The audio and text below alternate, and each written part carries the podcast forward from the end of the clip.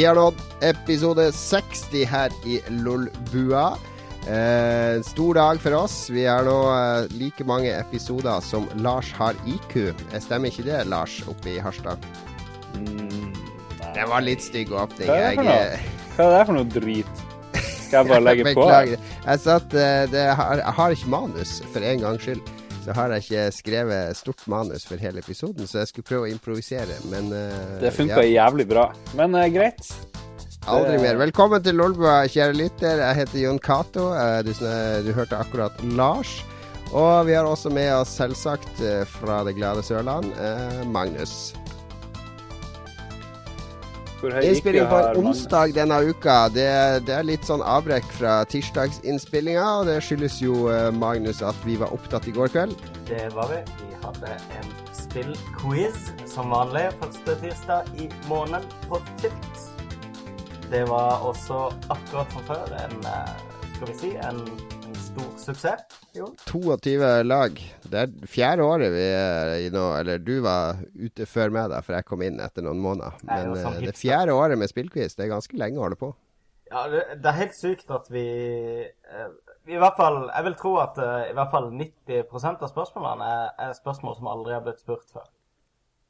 Uh, Ja, Og det, det begynner å bli ganske imponerende. Det er jo snakk om 48 quizer hvis det er fire år. og Pluss at vi har hatt masse quizer andre steder, så det, det skal litt til å klare å komme opp med eksklusive spørsmål hver gang. Men det, det sitter det sitter litt i Det er gøy, men vi har fått sånn så momentum nå. Nå er vi med i den offisielle Tilt-kalenderen for 2015. Det er Yes. markert alle tirsdager der vi skal ha quiz med en sånn håndkontrollsymbol. Det var litt kult, syns jeg. Ja, det Jeg viste det frem til han eh, Microsoft-vennen vår eh, på quizen i går, til Thomas. Og han ble jo kjempeglad over å se at det var en Xbox 360-kontroller de hadde valgt til å representere oss. Det Ja, det var Vi har ikke vært med å velge den, har vi Det det? har vi absolutt ikke. Alt vi har gjort, er å si når vi har quiz. Men du sa vel til Thomas at det var vi som hadde valgt den? Selvfølgelig gjorde jeg det. Riktig. Helt riktig jobba. Lars, du har aldri fått vært med på quizen vår, men du hadde jo i gamle Lolbua-dager så hadde vi en sånn eh, spalte som heter Quiz med Quizmasteren. Eh, Når skal den vekkes til livet? Eh, det er kanskje aldri. Vi skal jo Nei, vi, skal finne noe nytt og spennende. Eh, vi må få i gang eh, standup-spalten, der du tydeligvis kommer til å tape ganske mye, siden det der eh, 60 IQ var det morsomste du kom med. Men jeg lurer på om du er litt sur, Jon, fordi du eh, tapte Eller ditt lag altså, tapte. mitt, mitt førstevalg når jeg skal fornærme, det er å gå på høyden til Magnus, da. Men jeg tenkte 60 sank, det, det er så lavt at det blir ikke Hadde det vært sånn 120, episode 100-120, da kan jeg begynne å kødde med høyden. Men, men Men du, du er jo litt grinete, er du ikke det? Fordi du tapte uh, Superbowl i helga, eh, som vi begge Du, um, ja, kanskje det er underbevisstheten min som nå prøver å ta hevn, fordi vi, du satsa penger på Uh, New England Patriots. Uh, Ja, helt random satsing av penger. selvsagt med Min hovedregel med sånn amerikansk uh, idrett er hvis det er sånn stort oppgjør eh, som vi skal se, f.eks. Superbowl, så heier jeg alltid på det laget fra den byen jeg har vært i, da.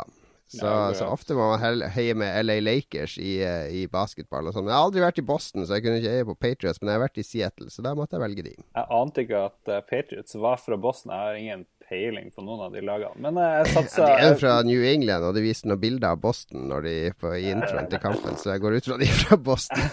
oh, ja, Vi drev og så lagde- du? Vi drev og lagde taco da starten av kampen gikk. Så, ja. Men det var Ja, ufattelig gøy. Men det var jo en veldig spennende kamp, da. Ja, kjempespennende. Og så er jeg veldig glad at den gikk tidlig, fordi jeg tenkte å, den begynner sikkert i totida, det skal sikkert gå bra. Men så begynte den halv ett, og likevel holdt jeg på å dø av søvnmangel eh, mot slutten der. Selv om det var Ja. spennende.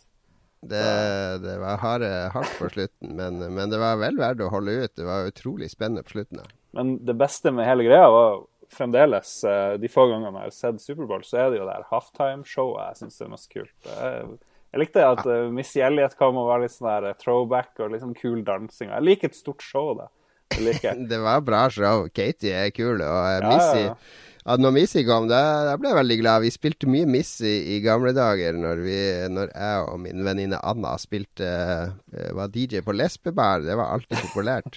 Men det kule med det Missy-greia var at hun spilte jo bare gamle låter. da. Ja, hva var det for noe? Jeg tenkte at oi, Og alle låtene høres jo fortsatt mer eh, current og Ja, kult og hipt ut enn det meste som kommer i dag, da. Ja, enten så er vi veldig gamle og tror at det høres veldig current og hipt ut, eller så er det faktisk current og hipt. Jeg holder en liten knapp på det siste. Spesielt siden du som har litt oppdatert musikksmak, Jon, eh, likte det. Så ja. Nu vel. Det var i hvert fall Jeg tapte i hvert fall vårt interne veddemål. Det betyr at jeg nå sitter her uten benklær uh, i Lolbua. Det var vel det som var innsatsen, var det ikke det? Det var det. Men hvor er den erigert penisen som du skviser frem? Den ser jeg ikke. Den, uh, den, den er ikke så voldsomt stor, så den må, den må reise meg opp. Men uh... Ja, OK. Vi, slipper, vi skal skåne folk for det. Vi skåner Jeg tipper det kommer både Kanskje ikke copyright infringement, men en annen klage fra YouTube hvis jeg, hvis jeg begynner med sånt. Hvem er det som har copyright på din penis, Jon? Nja Skal aldri si aldri. Utrolig hva man kan copyrighte i, i dagens uh, samfunn. Ja, du var jo ikke med engang da jeg var på uh, hva det heter, sånn her Sexybition i Oslo.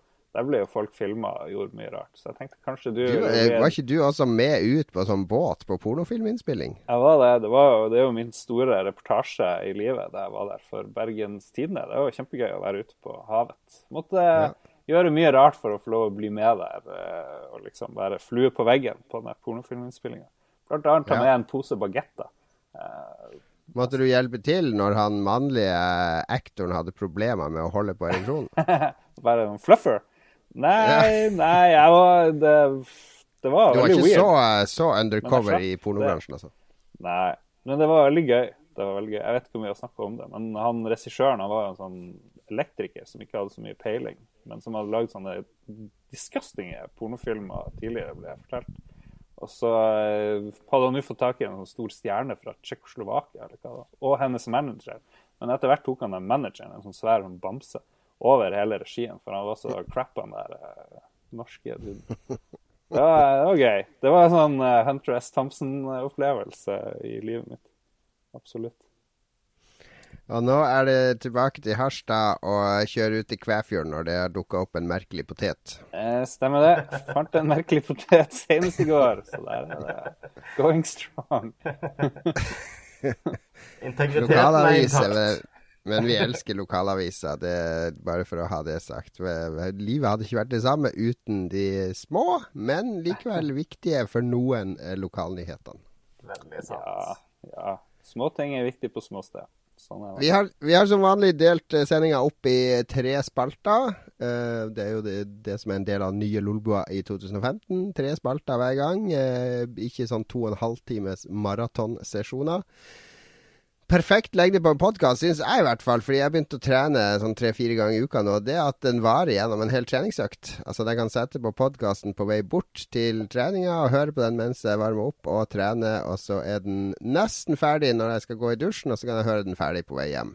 Uh, og da må det være, bare sånn én time og et kvarter, kanskje. Så du hører på deg sjøl, ja? Når du Nei, trener? jeg, ikke på våres. Jeg, er- Jeg, jeg hører jo på masse andre podkaster nå. Jeg jo jeg har aldri hatt tid til å høre på podkast, men nå når jeg har begynt å trene, så er det egentlig ganske behagelig å høre på podkast mens man trener. Fordi ja, da faser man ut hvis det ikke er så interessant det de prater om, og fokuserer litt på treninga og tenker på andre ting. Og så, så kan man konsentrere seg om å høre når det er noe kult. Har dere, har dere hørt Comedy Bang Bang? Ja, ja, det, jeg har anbefalt det allerede, for eh, Ja. det er min favorittpodkast. Kom, kom først dit nå i det siste, og så hørte jeg en med Tenacious D og noen andre. Og det er det morsomste jeg har hørt i en podkast ever. Andre halvdel av den podkasten. Folk må finne den frem.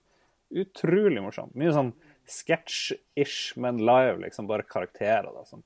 Ja, de har eh, de pleier, Jeg syns det egentlig er litt av den det er noe, Jeg syns nesten det er noe av det kjedeligste på podkasten, men jeg skjønner det er veldig populært. da.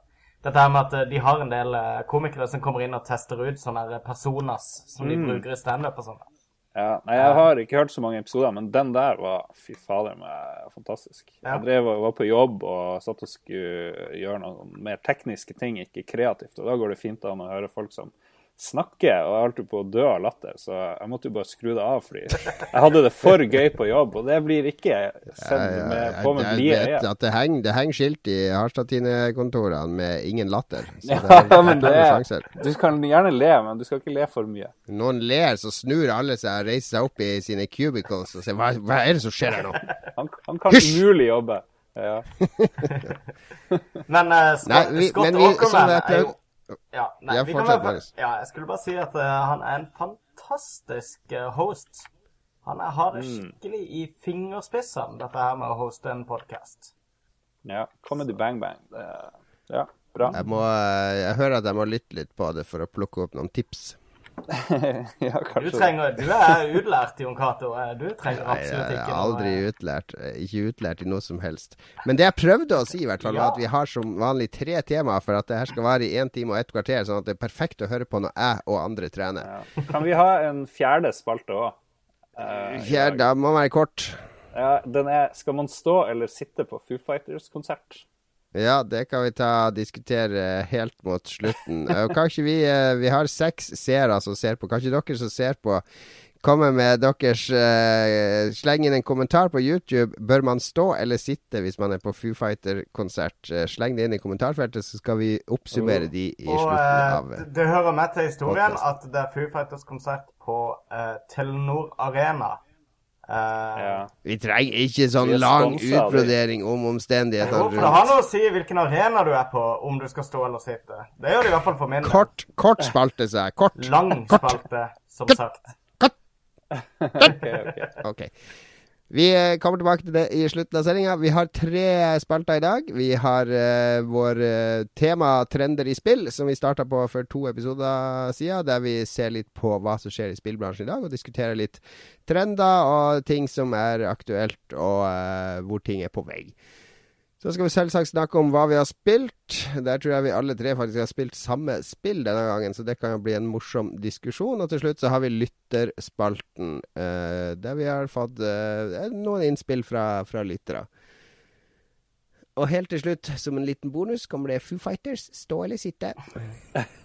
som, eh, som vi skal kjapt diskutere. Men vi kan begynne med trender i spill, og der har jeg et eh, lite lydklipp jeg skal åpne med, ehm, eh, som vi spiller her og nå.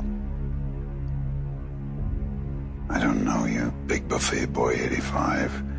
But if you think you can humiliate me and take my gold, think again. Oh, I am coming for you with lots of barbarians and dragons. I can't wait to destroy your village while you beg for mercy. But you will get no mercy. I will have my revenge. Liam? Have a scone for Liam? Uh, over here. It's, uh, Liam. You will regret the day you crossed Angry Neeson 52.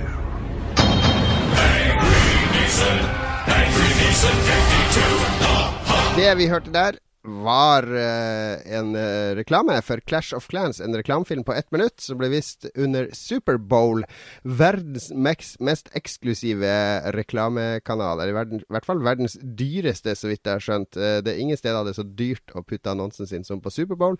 Og det har jo gjort at uh, uh, reklamene på Superbowl er ofte ekstremt forseggjort. Uh, veldig kostbare, veldig kule. eh, det tvitres masse om de, det snakkes masse om de. Det å ha reklamen sin på Superbowl, det er liksom forbeholdt de aller, aller, aller rikeste. Jeg, jeg vet ikke hva det koster, Lars. Har du sjekka det opp? Nei, det er sikkert veldig dyrt.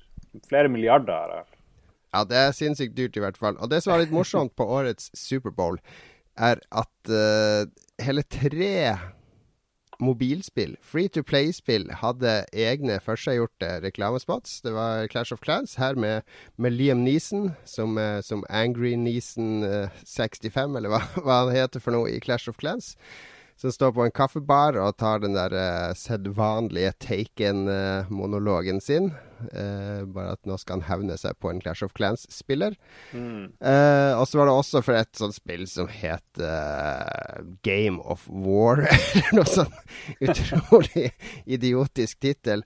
Der hun Katie Price lå i sånn badekar og var sånn krigerprinsesse. Og her har de punga ut for å få med henne. Og så var det et mobilspill til. Og det som slo meg med disse reklamene, var jo at uh, at uh, Hvor var reklamen for PlayStation 4 og Xbox One? Eh, hvor er reklamen for Halo 5 med det eksklusive nye game footage-klippet? Hvor, Hvor er spillene som vi pleier å prate om? Er det sånn at mobilspillene nå har blitt så store at de tar overalt? At når de har råd til å, til å plassere seg oppe med, med Coca-Cola og Budwiser og alle de aller rikeste og mest profilerte selskapene eh, i, under Superbowl? Ja, En forklaring er vel òg at når det er Superbowl, så er det ingen, nesten ingen store spill som kommer ut. Hvis det her var i november, så ville vi garantert sett Call of Duty, og hvis det var et nytt GTA rundt omkring der, så ville det også dukke opp. Så det er jo litt av forklaringa, vil jeg tro. Men eh, money talks, ikke sant. Eh, noen eh, spillselskaper ville sikkert for jeg vet ikke, ti år siden, PlayStation 2 og tidlig PlayStation 3-æra, da ville vi nok sett mer mer andre typer dataspill. selvfølgelig. Ja, så vidt jeg vet, og for at lytterne skal henge med når temaet i dag er uh, mobilspill, om de har uh, blitt uh, så store og svære at de er i ferd med å utradere konsollene eller ikke. Uh, men det som er med Superbowl Fordi jeg sjekka opp hvilke Eller jeg leste en artikkel, og der han mente at det var kun to spill i nyere tid. Altså sånne der tradisjonelle AAA-spill som hadde vært med Superbowl Så Det ene var Dantes Inferno fra EA og et eller annet annet spill i 2010. Det er ganske sjelden kost i det hele tatt å spandere på seg Superbowl-reklame for den etablerte spillbransjen. Ja, eh, det har nok litt med at eh, jeg tror kanskje ikke mobilspill holder på å ta over, men eh, eh det er nok sånn at de aller største sluggerne nå er mobilspill, ikke, ikke konsollspill, som de kanskje er i gang med. Eh, rett og slett fordi at de spilles på noe alle går med i lomma eller veska eller jakka si konstant. Så Mm. Det skal ikke så mye til å få en gigasuksess på en mobil, som kanskje å måtte få noen inn i en butikk, kjøpe en konsoll til 4500 og, ja, og et spill til 600 kroner for å spille det, istedenfor syv spenn på AppStore. Det skal ja, jo mye det, til. Nå koster det ni, da.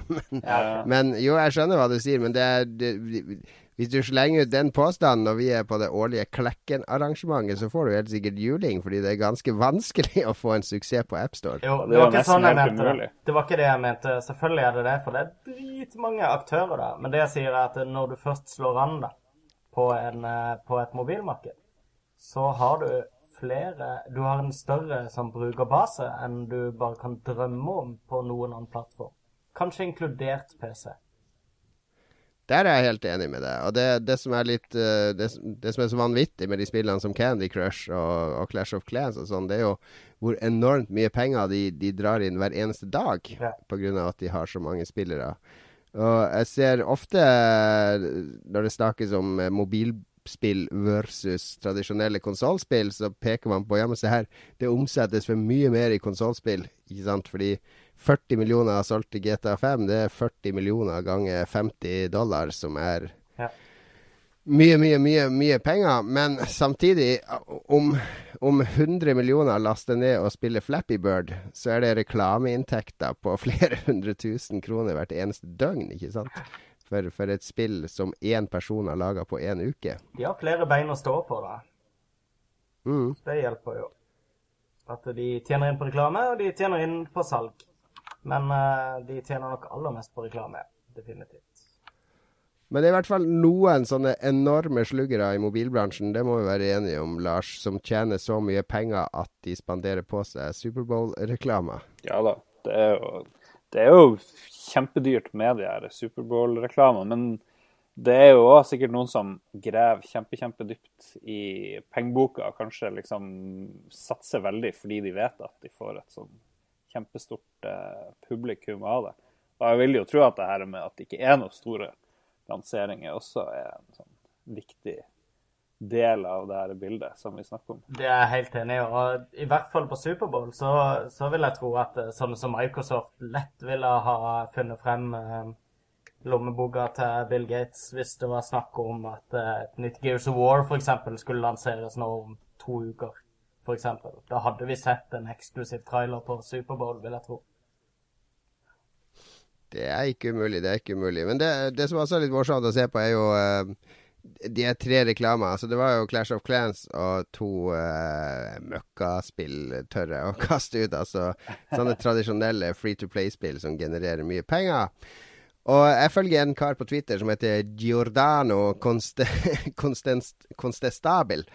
Han var tidligere i toppledelsen i PopCap, uh, så vidt jeg husker. Han har i hvert fall lang erfaring innen mobil og mobilspill og mobilmarked og sånn.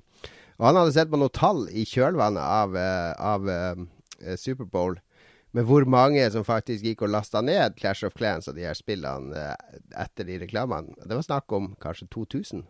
Så det var, det var ikke akkurat sånn at de traff hvis, hvis, målet med reklamen var å, eh, å, få mange, mange millioner til å laste ned spillene, så traff de ikke i det hele tatt. Nei. han spekulerte i hvert fall på Twitter i at, at her var det mer snakk om uh, CEO-er, altså toppsjefer, som satt der med så mye penger som rant inn, at nå skulle de slå seg sjøl på ryggen og liksom uh, rubbe skuldre med det gode selskap og vise 'hei, her er vi', og uh, Skjønner du hva jeg mener? Det handla mer om å, mm. om å sette seg sjøl og, og, og, og, lage sin egen prestisje enn å faktisk eh, lage en reklame som skal ha noen funksjon, uh, som å selge produktet. Jo, men så er det jo også sånn at når du kommer opp i den størrelsen som Clash of Clans på, så de du først og fremst skal selge deg inn på, er ikke lenger spillere, det er annonsører.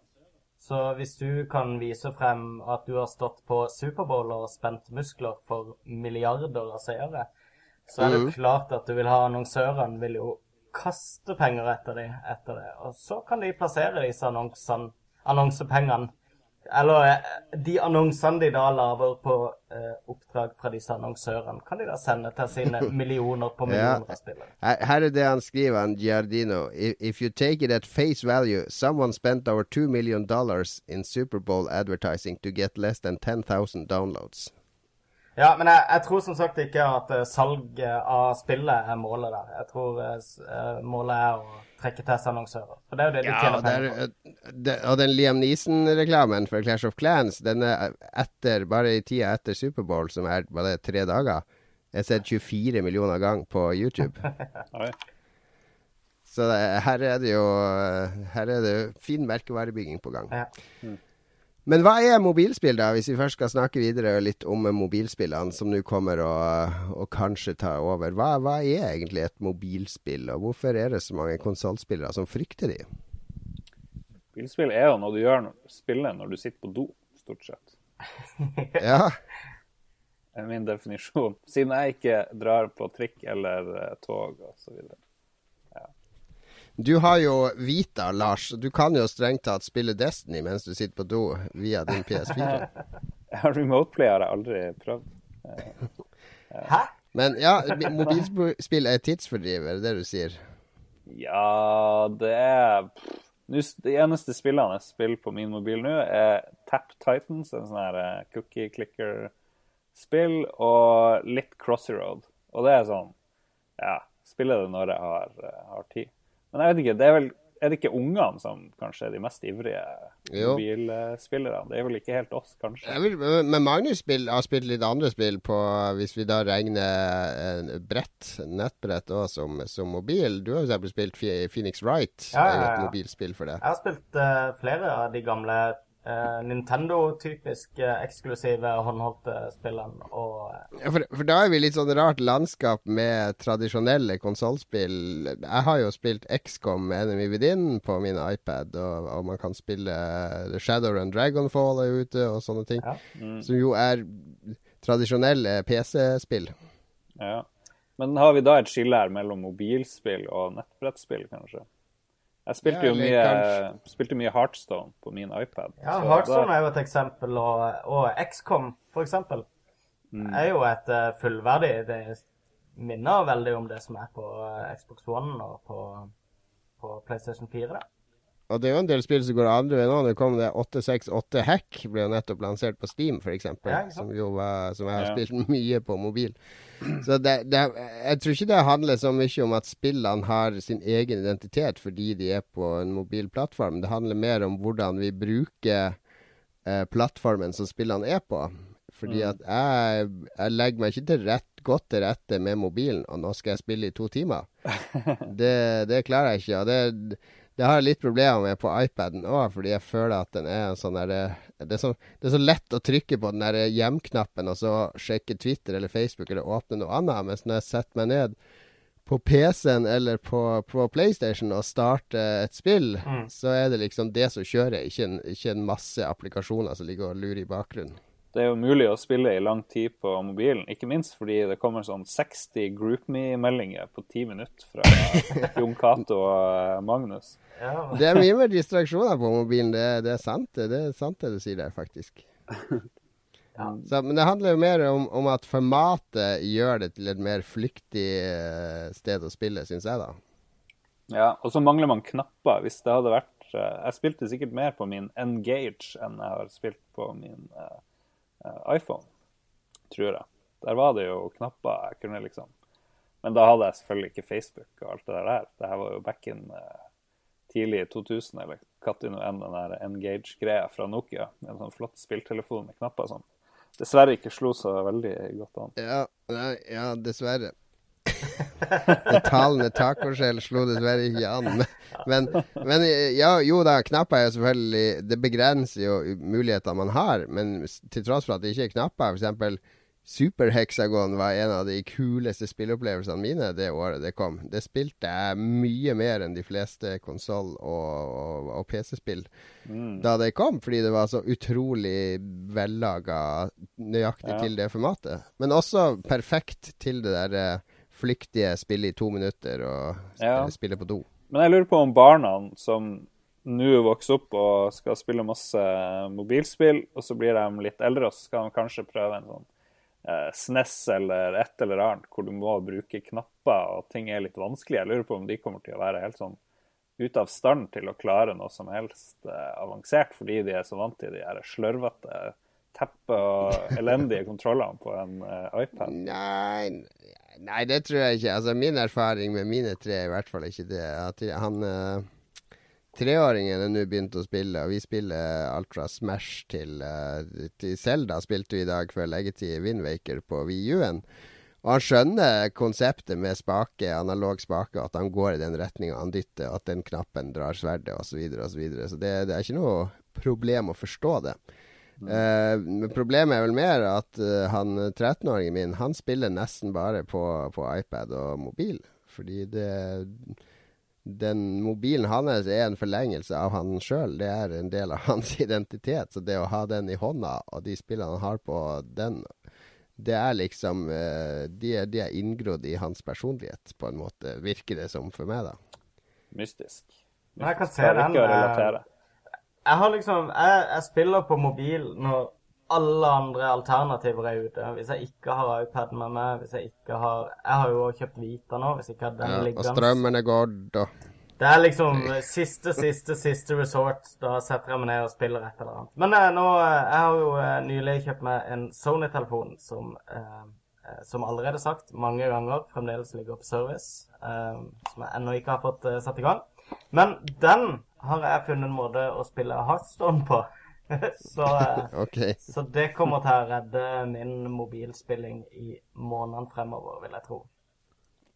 Så det, hvis vi skal oppsummere hva mobilspill er, så er det vel mer snakk om uh, at de blir definert av plattformen enn innholdet. Uh, er det det vi har Nei, Hvis folk sier at det, er typisk mobilspill, så, jeg, så tenker jeg at det, det er typisk sånn som Frogger, eller som, som Crossy Roads. da. Et spill du setter deg ned med, som du kan spille en runde på ti sekunder. Uh, ty, og det, det er typiske mobilspillet. Og så selvfølgelig så finnes det jo andre spill som ikke er typiske mobilspill, som også er å finne på mobilplattformer. Men typiske mobilspill er kjappe greier du bare kan plukke opp, starte, spille et par runder akkurat før bussen kommer. Og så, og så er de ute av hodet ditt. Og neste gang du begynner igjen, så begynner du på nytt igjen, og så spiller du mot en high score eller whatever. Det er min tolkning av det. i hvert fall. Jo, jo, men er det er, Ja, OK. Så det er det du mener når du sier typisk mobilspill? Ja, som sagt, det er Ja. min tolkning av det.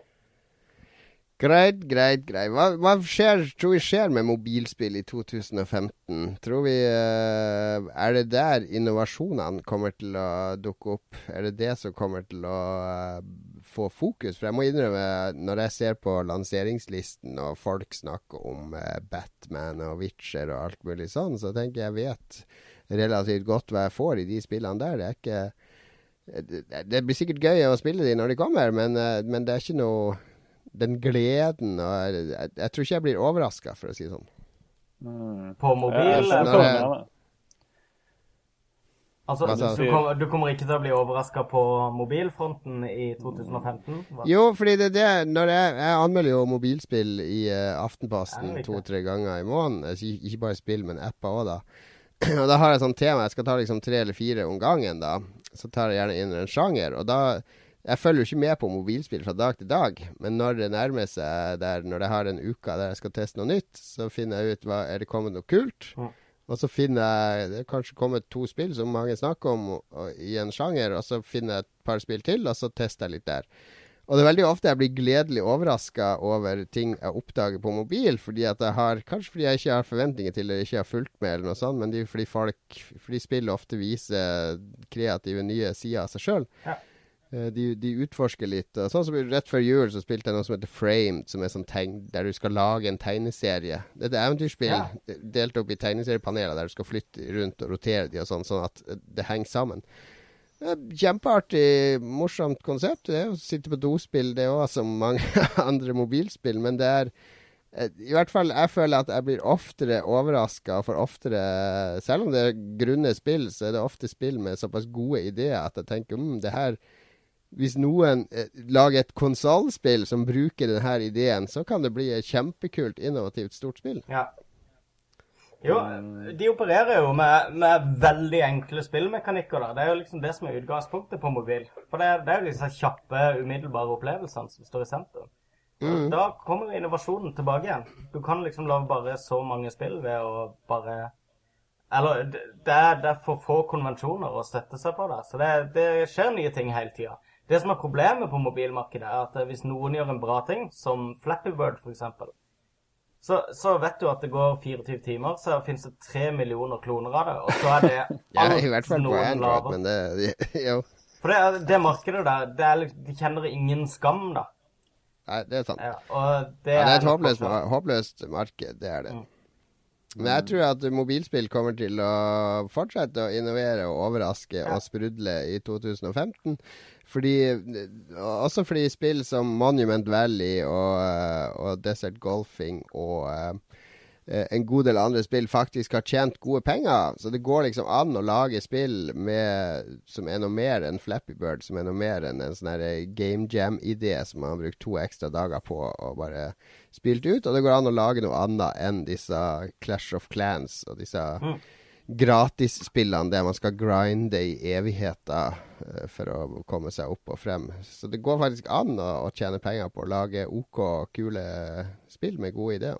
Men det du sier nå, det kan jo òg sies veldig mye om eh, indiespill og litt sånne mindre spill på PC, tenker jeg.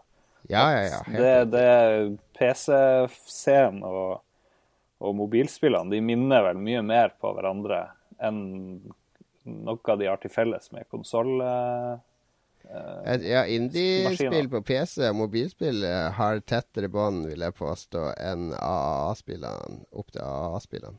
Ja, så eh, eh, avstand opp til det å faktisk lage noe sånt som Grand Theft Auto eller, eller Battlefield Hardline eller noe sånt Det spranget er såpass stort fra et lite indiespill til, til det, en så stor, omfattende tittel at, eh, at Jeg vet ikke, AA-spillene har egentlig skilt seg sjøl fra resten på, Med budsjett. av seg sjøl. Jo, jo. De må være mer safe, ikke sant. De skal selge uh, mye mer. Men jeg tror at de spillene jeg kommer til å bli overraska over og like, jeg tror det kommer minst like mye på en PC eller eh, Mac på Steam og sånne ting enn på en mobiltelefon. I hvert fall hvis jeg skal se tilbake på 2014. som jeg Jeg fant vel aldri det helt store eh, mobiltelefonspillet. Der var det liksom Heartstone som var det generelle mobilspillet mitt der, da. Du fant Det var- Det eh, rart var at du ofra alt eh, i september etter Destiny kom, så du var aldri på eh, Desert Golfing-bølgen. Jo, jeg de spilte Desert tingene. Golfing, men det var jo ikke noe sånn sykt unikt spill, det. Var det det? Jeg tror eh, problemet, Lars, er at eh, du oppdaga ett mobilspill i fjor, og det var Crossy Road. Og da gikk Marion Cato rett inn og knuste deg på, på eh, lista.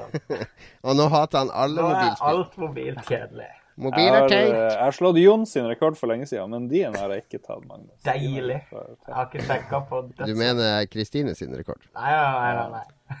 Hun har sin egen. Ok, ja, men jeg tror vi konkluderer der. Vi tror vel kanskje ikke at mobilspillene kommer til å danke ut uh, alle konkurrentene i år. Er det det vi sier? Ja, det høres riktig ut, syns jeg.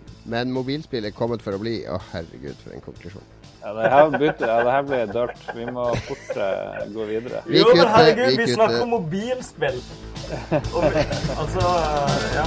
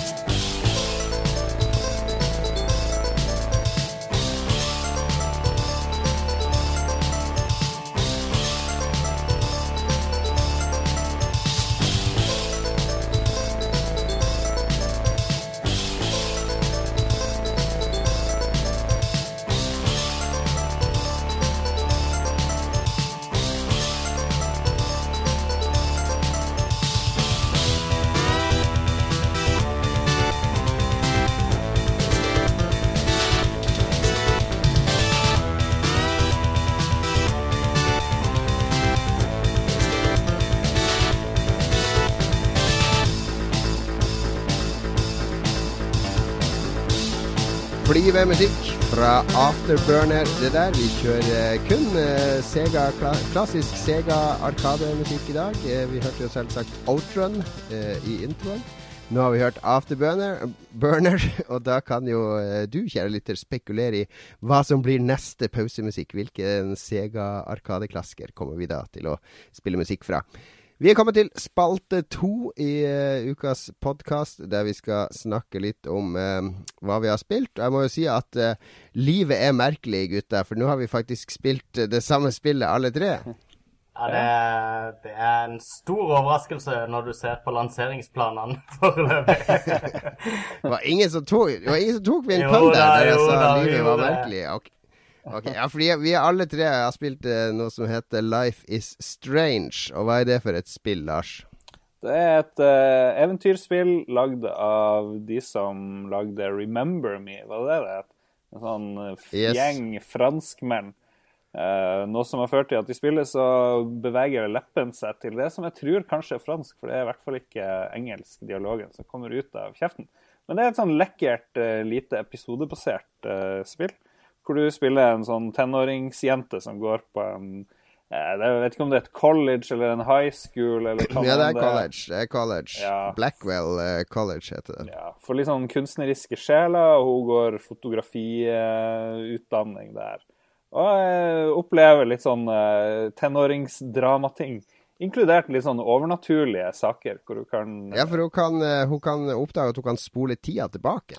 Det stemmer, det stemmer. Det oppdager hun ganske dramatisk eh, på en skoledag vi, vi eh, joiner henne på, hvor hun må eh, blir sugd inn i et, eh, et, et litt sånn Jeg fikk litt sånn Twin Peaks-aktig vibe plutselig. og litt sånn der, Laura Palmer, for det er en sånn missing girl plutselig. Ja, det er det. Hun. Rachel. Ja. Men, eh, men ja, jeg, ble, jeg visste ingenting om det spillet da jeg begynte å spille det. Jeg bare visste at det var kommet, og at folk jeg kjente, spilte det. Jeg hadde ikke lest din anmeldelse i Aftenposten, men som en fin oppsummering, syns jeg, av, uh, av spillet. Men det, det som slo meg, det var at uh, det er ganske utypisk, det spillet, for mange andre eventyrspill. Det, Mm. det, det er mer sånn japansk high school-aktig life sim-vib jeg får av det hele. Hvor det skjer Litt kanskje ikke Litt Persona-vibben. Ja, det skjer ikke sånn kjempedramatiske ting hele tida. Det er mye sånne personkonflikter, kjærlighet og forhold og sjalusi og krangling og Ja. Så jeg har ikke runda det ennå. Bare drev og spilte det et par timer her i dag. Men syns det var veldig gøy. Jeg har drevet og lest dagboknotater, og gått og snakka med masse folk. og løsna puzzles. og Det er ikke sånn kjempevanskelig, men utrolig sjarmerende. Eh, Det er veldig, veldig anbefalt. Sjarmerende var et nøkkelord for meg, men, men jeg vet at Magnus har eh, de tra Magnus spilte først på PlayStation 4, og så gikk han hen og kjøpte det på Xbox One og runda det med alle achievements. Og så eh, kom han til meg og fortalte at han hater det. Eller kanskje ikke hater det. What? jo, det er ikke så langt unna, egentlig. Uh, tingene eh, jeg syns Altså, dette er en første episode, så jeg håper liksom at dette bare skal være at de har danna et bakteppe, og så glemmer vi alt det der MTV ungdomsserie-maset når vi kommer inn i den ordentlige handlinga som handler om den forsvunne jenta og disse eh, skillsene hun har til å reise i tid og se frem i tid osv.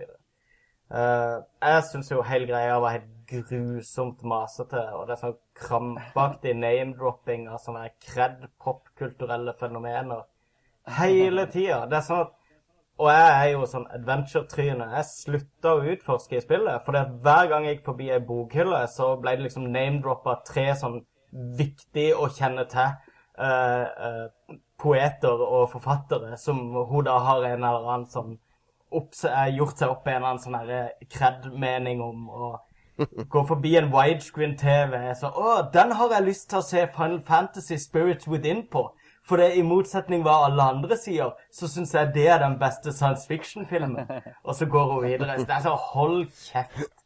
Og tingen er Det kan være så autentisk det vil, men jeg, jeg, jeg trives ikke i den verden med der de bare kaster sånne påtatte, krampaktige kred-synspunkter og name-droppinger på meg for hver millimeter jeg beveger meg. Men det er jo veldig interessant Det er jo veldig interessant det du sier, for det betyr jo at du ikke kjøper den karakteren, og du tror liksom ikke Jeg føler det er skrevet av ei jente på 18 år, men jeg føler ikke det Det handler er om ei skrevet av en mann på 30 pluss, faktisk. Jeg vet det, men det er skrevet som om For det, denne, her, denne ekstreme trangen til, å an, til anerkjennelse i, i alt av elementer som er lagt inn i historien, av små detaljer og sånn, det er typisk noe du kjenner igjen fra puberteten og sånne ting som dette.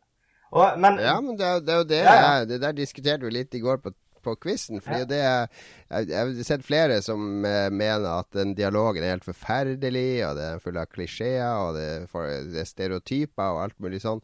Og den name-droppinga som du snakker om, der du skal slenge inn Necromantic og Faster Pussycat, Kill Kill og alle mulige Uff, referanser ja. her og der. Men det er, det er også noe som jeg føler ligger i det å være tenåring, er at du eh, he, Hele spillet handler jo, eller episoden i hvert fall, mm. sånn som jeg ser det for meg, kommer spillet mye til å handle om den overgangsfasen mellom å være barn og voksen. Det er jo der hun Max er akkurat nå. Og hun uh, sliter med å finne plassen sin på skolen, og sliter med å finne sin egen identitet. Og sliter med å finne ut hvem hun er, og hvem hun vil bli. Og, og, og også litt uh, hun, må, hun må liksom begrave fortida. Jeg vet ikke om Lars har kommet så langt ennå, men hun møter jo barndomsvenninna og, og, og begynner å mimre tilbake. ja, det har vært noe greier med barndomsvenninna, og man skjønner at det er et eller annet.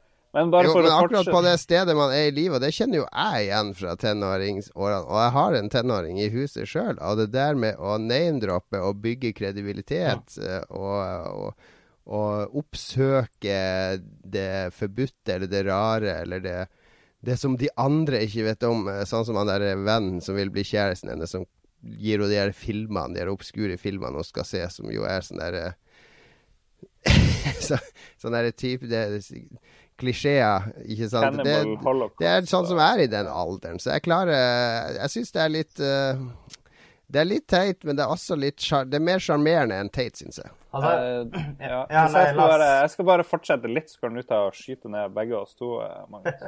Men eh, eh, hun er i klasserommet og driver og er i en av de her scenene hvor, som du hater helt i starten av spillet, hvor hun leser om fotobøker, og så ramser opp noe Eller det er kanskje i hennes eget rom. Så ramser hun opp en sånn del bøker om fotografer som hun elsker. Og så sier hun oh, yeah, And of course Dali. Eh, bla, bla, bla. He was eh, amazing og ditt og datt. Og så sier du det på en sånn måte som at selvfølgelig så vet alle som er fotointeressert, om han er Dali.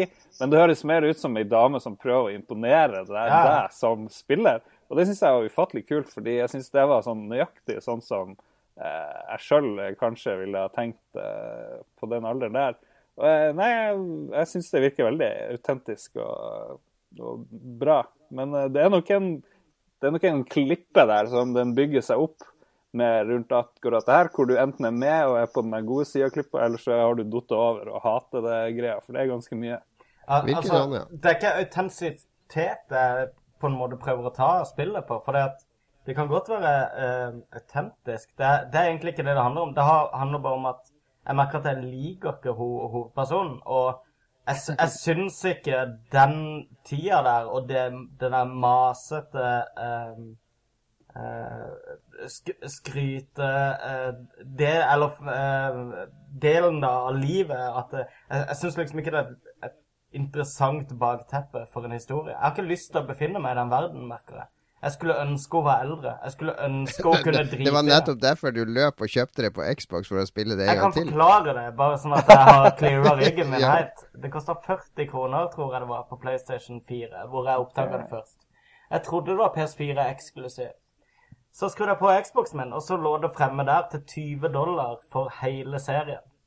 Og da fant jeg ut at eh, det ville koste meg like mye å kjøpe hele serien på Xbox i en jafs, og så har jeg litt penger for tida, enn å okay, okay, betale ok, 40 okay, kroner episoden. Det er greit, det er greit. det er greit. Ja, men nå Det var impulskjøp.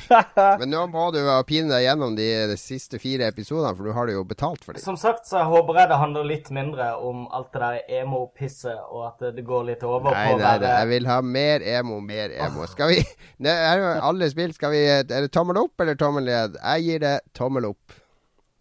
Lars? Nei, jeg ja, syns det var kjempebra. Jeg koste meg virkelig.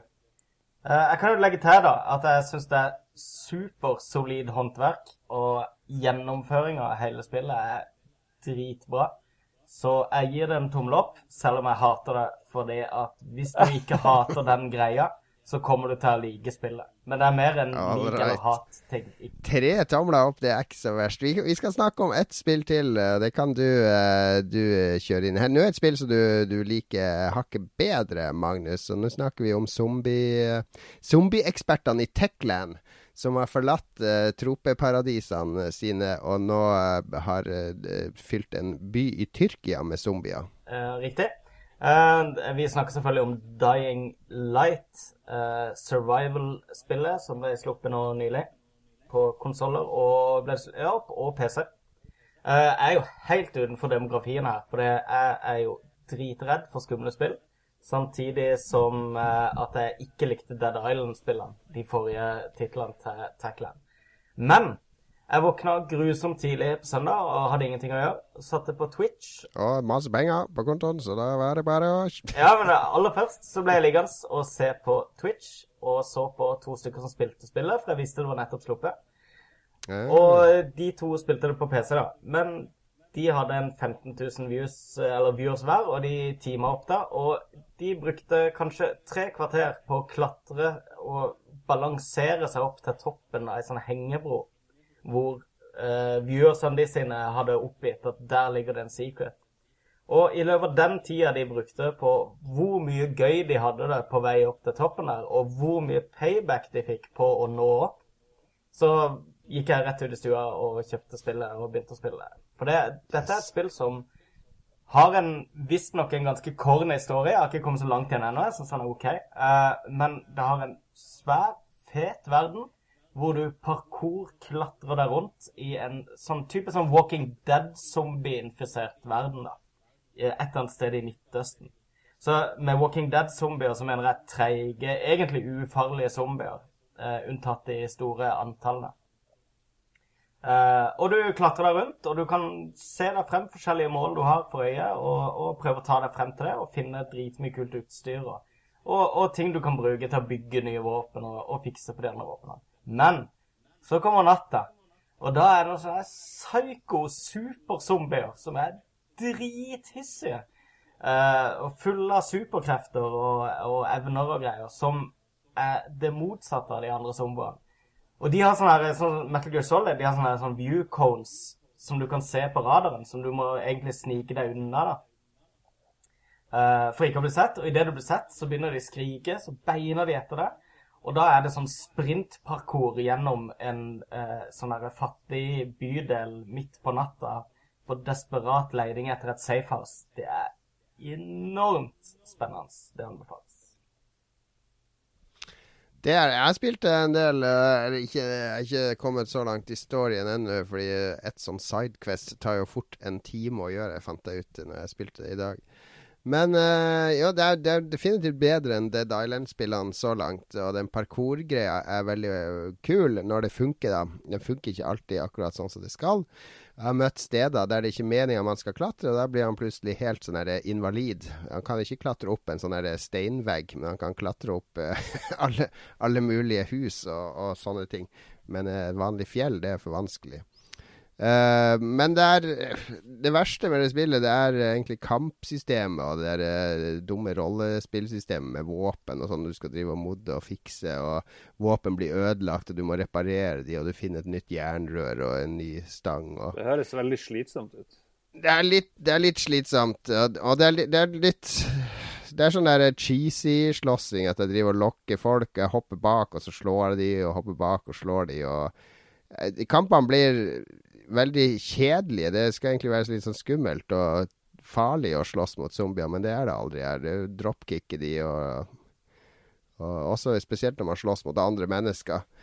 Så jeg syns ikke de kampene er så kule. Og så, og så blir spillet blir mer og mer Far Cry jo mer jeg spiller det. Nå driver jeg og klatrer opp i radiomaster for å slå på radiosignaler. Jøss, yes, det har jeg aldri gjort før i, i et spill. Hvor, hvor, jeg driver og dirker opp låser, sånn som jeg gjør i Elder Scrolls, uh, mens det er bare sånn totalt tar meg bort fra den verden jeg er i, for å zoome inn på en sånn her lås foran meg, og alt blir stille og rolig. Jeg driver og pirker og lirker. Men det gjør jo ikke det. Du blir jo angrepet av zombier mens du står og dirker. Jeg, jeg syns i hvert fall ikke det passer inn. Jeg syns det kunne vært gjort på en kulere måte. Jeg syns spillet kunne stått litt mer på egne bein, fordi det, det plukker liksom og låner liksom fra, fra alt. Uh, litt for mye. Uh, for det er veldig kult. Den nattegreia er, det var litt kul i første gangen, men så, så Det er jo meninga du skal drive og snike deg, og det er kjedelig. Å snike seg og se på sånne cones, syns jeg. Men å løpe rundt om natta med de etter seg, det er jo morsomt. så, så jeg, jeg, blir heller oppdaga med vilje enn å drive og snike meg, sånn som spillet vil. Men du blir jo, etter hvert blir du kraftig nok til å kunne ta det, f.eks. Um, men vi eh, må huske hvilken sjanger det, dette spillet befinner seg i. da. Ja da, ja da. Dette er jo jeg har det gøy når jeg som... spiller det. Det er ikke det, men jeg, jeg, ser mange folk Jeg har fått flere henvendelser fra folk som har det beste zombiespillet noen gang. Det, det syns jeg ikke det, men det er kult, og det er masse kule ideer. De har gjort en veldig kul greie med den åpne verden. Og det, den lyssettinga og grafikken og sånn syns jeg er kjempebra. Utrolig kul stemning. Og musikken, ikke minst. Ja. Uh, det er sånn John Carpenter-aktige synter og rytmer og sånn. Det er tror jeg er en bevisst sånn homage til, til John Carpenter. Helt sikkert. Mm. Um, men ja, altså dette er jo i, i kategorien med type sånn Daisy og sånne ting for de som kjenner til det. Altså, det handler veldig mye om overlevelse. At du skal rundt og finne forskjellige pell som du kan sette sammen. Og så finner du blueprints til å bygge nye våpen og nye uh, sånne forbedringer av våpen osv. Um, det begynner veldig treigt, men jeg, syns det er veldig kult. Og jeg liker veldig godt uh, level-systemet, som er det der learn by doing, da, eller level by doing. Med Ja, det er kult. at uh, hvis du slåss mye, så blir du sterkere. Hvis du uh, uh, parkourer mye, hvis du klatrer og sånne ting, så blir du flinkere til det, og du blir kjappere. og Ja, og det er bra, bra skills og Det skills som faktisk gir deg powers. Altså som, som du Ikke bare sånn pluss 2% skade hvis du treffer i hodet og sånn der. Det er sånn der eh, Nå kan du dropkicke zombier, og nå kan du glidetakle zombier og sånne ting. Eh, Men jeg er jo enig, det er jo en haug med, med klisjeer og konvensjoner der. Men når det gjelder akkurat det der med ikke kunne klatre opp på fjell og sånn, så, så finnes det ingen spill som ikke har disse her eh, sånn mongo-delene. Det er, sånn er det i GTA. Å, jo, jeg ser det. Jeg ser det. Det, var, spesielt ett oppdrag der du skal dra til en sånn tilbakestående dude som har hamstra masse Ja. han, er, han er tilbakestående, altså. Så jeg- det er ikke for å gjøre narr av han, men han, han er eh, de, de sier at han er litt sånn rar, da, fordi, mora er død, og han sitter i stua og ser på TV med liket av mora og sånne ting. Eh, men så for å komme inn til han, da, så må du dra til sånn videosjapp og hente film til han, og så hente noe konfekt til mora på andre sida av nabolaget. Og så du løper dit og henter det, og så tilbake dit. Og så, ja, fint. Da kan du gå inn takluka, sier han. Og så er det jo helt umulig å komme seg opp på det taket, så jeg bruker sånn der 20 minutter på å klatre opp, finne veien opp på sånn highway over det der eh, elvediket det huset hans ligger, og så driver og lirker på sånn kant og ned, og prøver å falle akkurat sånn at jeg lander på kanten av det taket hans for å komme meg til den luka. Det er noe av det mest irriterende jeg har gjort når, når jeg egentlig har klart oppdraget. Jeg har slitt masse for å finne ut av det, så må jeg liksom Ikke glitche, men, men eh, drive og Ja, Men det høres jo det- ut som det egentlig er en lettere måte å gjøre det på. Ja det er mulig, mulig at jeg ikke eh, hadde skills nok til å komme meg opp. Jeg, ikke, jeg var ikke så høy level når jeg tok det oppdraget. Ja, det, Men det er, jeg, jeg har lyst til å spille det mer. Altså, Jeg høres veldig negativ ut, men det er jo litt fordi jeg må være litt uh, motpol til Magnus. Uh, det, det er umulig for meg å ikke være det. kan du si at det er fire player co-op i det? Som uh, Det er det, det har jeg ikke fått underholdnings- prøvd ennå. eh, Det er jo underholdningsverdi eh, eh, umiddelbart. Som I hvert fall nå i disse tider der det ikke er Det er ikke grusomt mye å spille for tida. Så eh, det er et, verd, et spill som er verdt å sjekke ut. For de som er tilhengere av noen av de tingene vi har nevnt nå. Kommer ikke til å prøve det. Mm. Har vi. Hva sa du, Lars? Kommer ikke til å prøve det spillet. tror jeg. Eh, som sagt, jeg kan bare nevne det igjen. Jeg er jo den største pysa i verden når det kommer til skumle spill. Og eh, det er dritspennende, men eh, det er ikke så skummelt at det er uspillbart for min del. Det er veldig kult når du får beskjed på kommen om at eh, nå er det én time til sola går ned, og du må bare komme deg i hus. Og du merker at det blir bare mørkere og mørkere rundt deg mens du Du vet at det er ekstra kult på PlayStation, Magnus? Hvorfor det? Fordi Common er i håndkontrollen. Det bruker håndkontrollerhøyttaleren. Så all eh, walkietalkie-kommunikasjon kommer ut fra Ja, det det. er veldig kult. Ja, det er faktisk det. Det gjør mye for Immerse. Men eh, Lars, før vi avslutter spalten her. Din, eh, din uh, husleieboer uh, Mats, uh, PC-spillekspert, har ikke han runda Dying Light? Hva var hans dom? Jeg vet egentlig ikke, men han runda det på to dager, vet jeg. Så det tok ikke sånn kjempelang tid. Men jeg tror han koste seg. Han spilte coop med søskenbarnet sitt. Ja. Så jeg tipper han ville anbefale. Han runda det. nå. Jeg tror ikke han ville gidde å runde det hvis han ikke likte det. Men han spilte det på sin ufattelige Kembo-PC, så det så veldig bra ut. Jeg så litt på Jeg kan, jeg kan nevne én ting med, med spillet som jeg kom på nå. Eh, eh, en av de jeg spilte Destiny sammen med, eh, han eh, var ute av stand til å spille Dying Light, for han ble så eh, sjøsyk. Eller bevegelsessyk, som det heter så eh, hvis du direkte oversetter det. Motion sickness. Eh, det har med at de har lagt inn en sånn her blur Eller hele skjermen blurrer seg mens du snur deg. da. Uh, Fordi de har sånn vill sensitivity på stikkene. Det er sånn PC-sensitivity da, på kontrollen. Uh, et godt tips er å sette ned den sensitivityen når du begynner å spille, for da forsvinner den blur-effekten også. Og da slutter du å spy, forhåpentligvis. Det funka ikke for han kompisen min, men uh, jeg vet det har funka for andre. Den er grei. Da, da, da tror jeg det holder for spillspalten i dag, eh, Lars. Du har sikkert spilt Destiny, men det, det er om det. meg om det. Ja. Jeg, Jeg klarte å drepe Krota sjøl her om dagen. Det var gøy. Så det, Ja, det, det var jo jeg med på. Det var jo Ja. gøy. Ja, absolutt. Men, eh, Men, det eh, men nok om, det er ikke lov å snakke om Destiny før Wolf, eh, Wolf Among Us, holdt jeg på å si. ja. Eh, House of Wolves Wolf of Wall Street expansion er ute til, eh, til Destiny. Da Jeg gleder, kan vi snakke til, med. jeg gleder meg til Quailudes uh, DLC til Wolf of Wall Street. Den blir nok mega.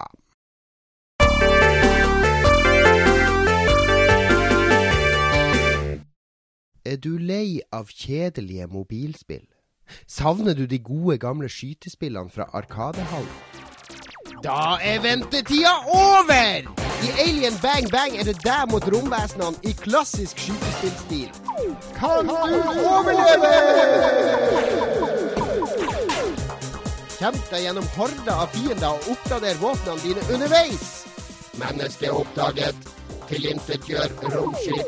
Alien Bang Bang inneholder over 120 nivåer, bosskamper og musikk av legendariske Dr. Awesome.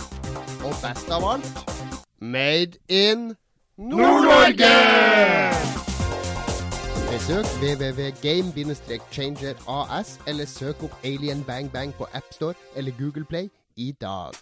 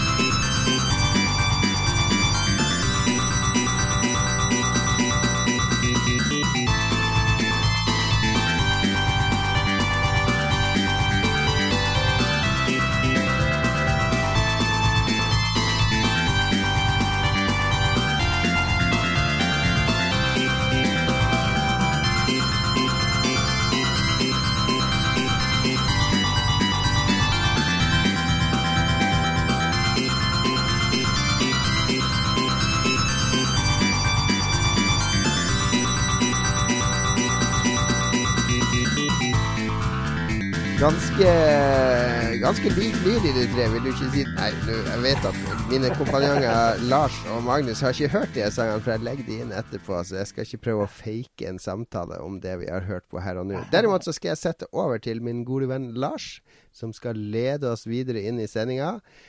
Vi har fått masse masse respons fra våre kjære lyttere, eh, som både har kommentert mobilspilltematikken i dag, og kommet med litt andre innspill og, og temaer til oss. Lars, take it away. Ja, det er både fugl og fisk her. Det er mange typer dyr eh, i svarene vi har fått. Eh, han, eh, Jan Christian Heigel, vår mest faste lytter, den fasteste, sier at eh, mobilspill er bra hvis det har gjennomtenkte kontroller eh, og er bygd for plattformen. Eh, hvis ikke så blir det ofte knotete og ikke så bra. Does Matters er et bra mobilspill med gode kontroller. Jeg er jo litt uenig med at Does Matter var gode kontroller, men eh, jeg vet jo at folk har blitt veldig gode i det. Jeg klarte aldri liksom å komme meg inn i det der eh, ryt norskproduserte rytmespillet som folk eh, absolutt jeg bør sjekke ut. Jeg liker veldig godt. Jeg slåss med min sønn daglig om rekorder der en periode. Ja. Nei, og ellers så er vi helt enige med han Jan Christian. Ja, det er god, eh, helt riktig observasjon. Ja. Ja. Uh, Vår gode venn Thomas Heger uh, spør om det er noe som skiller mobilspill fra Gameboy-spill. Eh, Nintendo-eksklusivitet. Det er jo eh, Jeg vet ikke om han bare oppfordrer til debatt her, egentlig. Eh, Ja, men jeg, den, jeg tenkte litt på den da jeg fikk den. For det. Men det var litt det vi snakka om, at det er eh, Plattformen definerer hvordan du spiller og hva du forventer av spillene. Så jeg, jeg forventer liksom mer av et DS-spill enn jeg gjør av et mobilspill. Ja, jeg driver jo og spiller både Majoras Mask nå, f.eks., på, på 3DS. Det hadde jeg aldri gidda å spille på, på iPhone. Nei. Og det er vel kontrollene, er det ikke det? Som, som gjør Det er kontrollene og knappene, men også det at jeg eh, Innstillinga mi når jeg legger meg på sofaen med 3DS-en, så kan jeg godt spille i halvannen time eh, mens, mens kona ser på en serie eller noe sånt. Men hvis jeg legger meg på sofaen med iPaden eller telefonen, så spiller jeg gjerne ti forskjellige spill i løpet av den halvannen timen. Av ren kjedsommelighet. Ja, mobilen mobil spiller du på T-banen. Det spiller du i offentlighet. Men kan du ikke spille 3DS-spill på T-banen? Jo, du kan det, men hvis du skal typisk sånn tre stopp, så rekker du ikke det. Da rekker du å, å se introsekvensen eller å eh, loade i saving og begynne så vidt på storyen eh, før det hele er over. Mobilen er Jeg spilte faktisk eh, Monster Hunter på T-banen i går på vei til quiz. så Det funka bra, det. Jeg, jeg har spilt eh, Phoenix Wright og Ghost Trick, i hvert fall på T-banen. Og eh, min erfaring er at eh, jeg får bare gjort sånn små brøkdeler hver morgen. Og så tar det litt tid å komme seg i gang igjen neste morgen, sånn, så gjør jeg noen få brøkdeler til. Og så mister du litt av helheten da, i spill som egentlig har veldig mye å, å, å by på av helhetsinntrykk. Men svaret til Heger er vel strengt tatt at eh, det er egentlig ikke noe som skiller, bortsett fra innstillinga di når du plukker opp den devicen og hva du vil ha ut av det. Ja, ja. Martin Herfjord sier, eller lurer på hva vi syns om Nintendo sitt inntog på mobilmarkedet. Eh, han er i utgangspunktet positiv fordi han ikke har med seg 3DS-en sin overalt. Og, men det er vel et veldig begrensa inntog på mobilmarkedet, for å si det sånn. Her i Vesten, ja, men i Japan så har det jo skjedd veldig store ting. Fordi der har de inngått en avtale med de som lager Puzzles and Dragons. Og Puzzles and Dragons er eh, Det er eh, Clash of Clans ganger ti. Altså det, er, det, det ble så stort i Japan at, eh, at spillselskapet er helt gigantisk nå. det det, det mest populære mobilspillet der borte. Har også blitt gitt ut i USA og noen steder i Europa med moderat suksess. Det er sånn der Bejeweled-spill, så vidt jeg har forstått. Du skal matche tre måneder, og så skal du fange monster og bride, og det blander liksom Pokémon og rollespill og Bejeweled og Det er veldig sånt bra var... laga, da, til å Ja. være den type spill.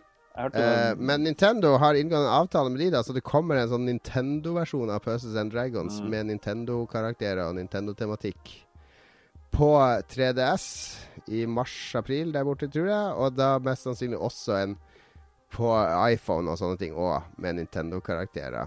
Og det er eh, Jeg hørte på den der 84-podkasten, de snakka en del om det. Og Mm. de mente i hvert fall at det her var det, det smarteste Nintendo kunne gjort overfor mobilmarkedet, i stedet for å begynne å porte Zelda og Mario og Ja. sånne rene mo mobilkloner. Så får de sånn derre lillefinger inn i det mest populære franchisen som finnes der borte. Der de kan spre Nintendo øh, og kanskje få spillere over. For de vil jo gjerne ha spillerne inn på sin plattform, ikke sant? Det er ja. jo det som er Jeg tror det var noe sånt som det overordnede målet. 70 millioner folk som spilte det, eller et eller annet sånt sykt eh, til sammen. Og det er jo helt ko-ko, egentlig. Hm. Skal ikke jeg garantere at jeg husker det rett, men jeg hørte på den samme 8-4-play-greia, jeg tror de nevnte noe sånt som Ja. de tallene der. Men jeg prøvde å finne det i Europa. Jeg vet ikke om det fins her. Det fins, men ikke i Norge. Nei. Fordi eh, vi er jo ikke med i EU. Så du, du, når Apple nå annonserte at prisene gikk opp i AppStore, så er det i, i hele Europa og Norge og Canada og USA så gikk prisene opp. Ja, Det er jo akkurat det samme med Kickstarter, der jeg har drevet og finansiert noen sånne brettspill. Jeg må ha samme shipping som de skal ha til, eh, til eh, Zimbabwe og og, eh, og langt vekk i stand, fordi Norge er jo ikke en del av EU, så de kan ikke sende spillene fra Tyskland til meg. De må sendes fra Hongkong med World Shipping, i stedet for de som blir trykt i Tyskland for det europeiske markedet. Via Zimbabwe. Norge inn i EU er altså Norge inn i, Norge inn i Zimbabwe er vel løsninga. Norge inn i Nei, men det, er- det er gigasvært, og det, jeg tror Nintendo gjør ingenting uten å tenke seg om. Nintendo har aldri vært de som kaster seg på trender blindt. Eh, Det, det har jo frustrert mange opp gjennom tida, men det er også det som som har vært styrken til Nintendo. Så når de nå eh, går inn i Puzzles and Dragons og sikkert har andre sånne app eh, De gjorde også noe med Mario Kart, med at du kunne se highlights og sånn via, via telefon. Så, så det går, alt går sakte med Nintendo, men, men eh, det blir spennende å se hva de gjør. Ja. Um, neste spørsmål er fra Eller kommentar er fra Jostein Hakstad. Oi, vår sjef! Oi! Også kjent som Gusta, som Magnus vet. uh, han sier at verste mekanikken som mobilspill har gjort populært, er den her energy-greia, der du må vente flere timer in real life. Eh, eller betale for å refille din energi. Eh, ja, og vi er vel Jeg vet ikke. Eh, Jeg snakka med en i sted om akkurat det her med mobilspill før vi gikk på. og Han mente at Candy Crush-ventinga var helt perfekt. For ellers hadde han bare sittet og spilt det hele tida. Så da syns han at det var helt flott at man eh, kunne okay. få sitte og vente. Det er, ja, det er en veldig masjokistisk holdning til hele greia. Da. det er bra vi har Vinmonopol i Norge, for jeg hadde egentlig lyst på litt brennevin i dag, men det er stengt. Og da kan jeg ikke kjøpe. Det er bra. Det er bra. Ølsalget steger eh, åtte fordi jeg var klokka ni, veldig øltørst. Nå slapp jeg det. Ja, men han er òg kritisk til at uh, som et resultat av det her energy-greia, så når han endelig får lov å spille, så er det sånn at du må spille samme brett 18 ganger, og så ha veldig flaks for å komme videre. Fordi du da blir pressa til å bruke ekte penger, liksom. For Ja, å Candy Crush er et drittspill som både har den energien og kun baserer seg på flaks.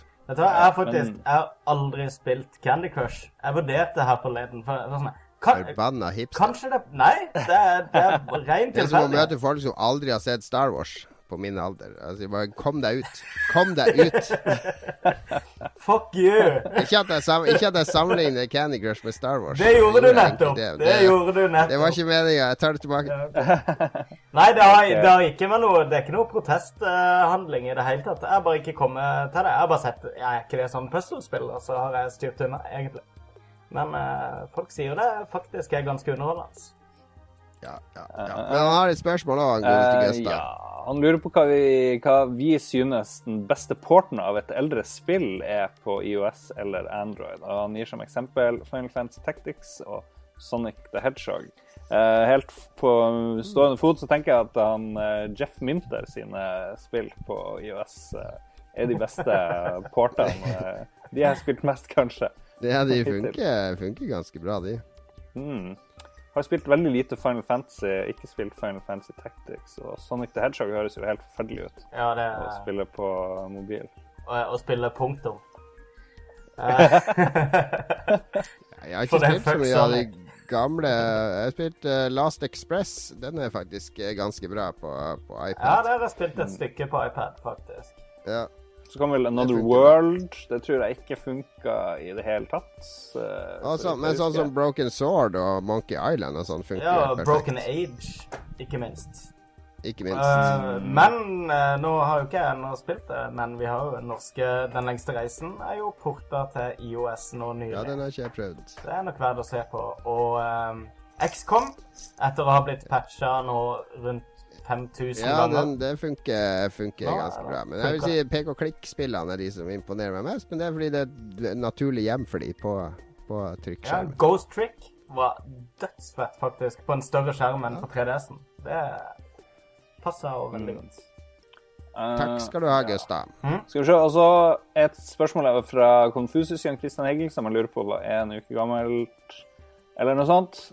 Har vi tatt det her allerede? Han, han, Nei, vi har spart den til i dag, for vi hadde ikke ja. spart det forrige ja, uke. Ja. Men det jeg lurer på, er eh, de der CD Project, de der eh, polakkene som lager The Witcher, de eh, har kommet med noe sånn gratis DLC. Det er sånn småting, juggel og pynt og og Ja. ting som da er gratis, og de vil gi det ut gratis som en slags statement mot alle som tar uh, og skal suge så mye penger ut av spillerne på, ved å ta betalt for alt mulig småting.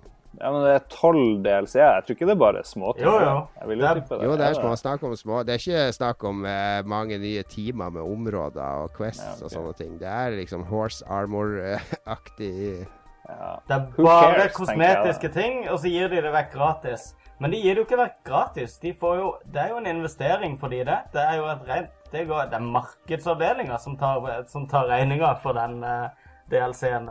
Det er jo ren sånn PR-kampanje. Jeg skjønner ikke at alle Ja, men de på. har jo alltid vært på PC-spillerne sin side. Jeg møtte de en gang på et sånt slott i England, og de ja, Noen av de tyskerne som var med og intervjua de, de var veldig sånn på det PC-spill, PC-spill, PC-spill, fordi det her var sånn der konsoll-event for Witcher 2 på konsoll. Og de var så klare på at de var, var PC-gamere, og det var PC først. PC alltid først. Eh, Jeg tenkte alltid på PC-spillere, og så imot alt mulig bullshit i bransjen og mikrotransaksjoner og sånn. Så de er veldig opptatt av å ha den profilen. Fair enough, men da burde de jo i så fall statuere et eksempel. Ikke med å slippe slippe tolv eh, tilleggspakker med bare juggel. Da burde de heller gjøre sånn som du får i flere andre spill, der de faktisk kommer med sånn World of Warcraft, for eksempel.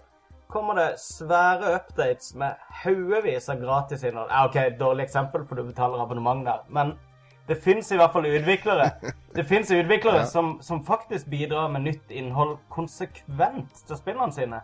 Uten at de liksom slår seg veldig på brystet og går ut på forhånd og liksom og strutter med det. Jeg, jeg syns det er litt sånn billig. Hvis de hadde hatt noe mer å vise til enn liksom sånn ny skjeggfarve og hesterustning, så hadde jeg, vært, Men- det hadde jeg applaudert. Det hadde vært helt topp. Men jeg syns det er litt sånn fislete. Ja. Du er nå så negativ. Ja, men for når jeg leste denne greia her, så tenkte jeg på Ok, det her er bare en ny form for DRM, fordi her må de gå online for å laste ned Ja, eh, en sånn hestearmor den uka og en sånn ting den uka, sånn at de kan sjekke at du faktisk har en autentisk eh, versjon av Ja, og det sier de jo også i det intervjuet jeg leste, at eh, eh, Ja, de, de sier at uh, det, er også en tanke. Ja. Så konklusjonen til uh, Magnus, som jeg stiller- meg bak, er at det egentlig er bullshit. og ikke Spekulativt. Verdt verd så mye jubel. Ja. Det Eh, de fra CD Project. ja, vi har fått en veldig veltalende uh, lytter slash seer, uh, Magnus Aspøy, som har delt mye tanker med oss uh, her og også i Jeg løper på uke. do mens du leser den opp. Ja. Neida, så lang er den ikke. Han begynner med varsel. langt innlegg incoming, eh, men det er ikke så veldig. Han sier mobilspill har etter min mening hatt en negativ innflytelse på spilldesign generelt i bransjen.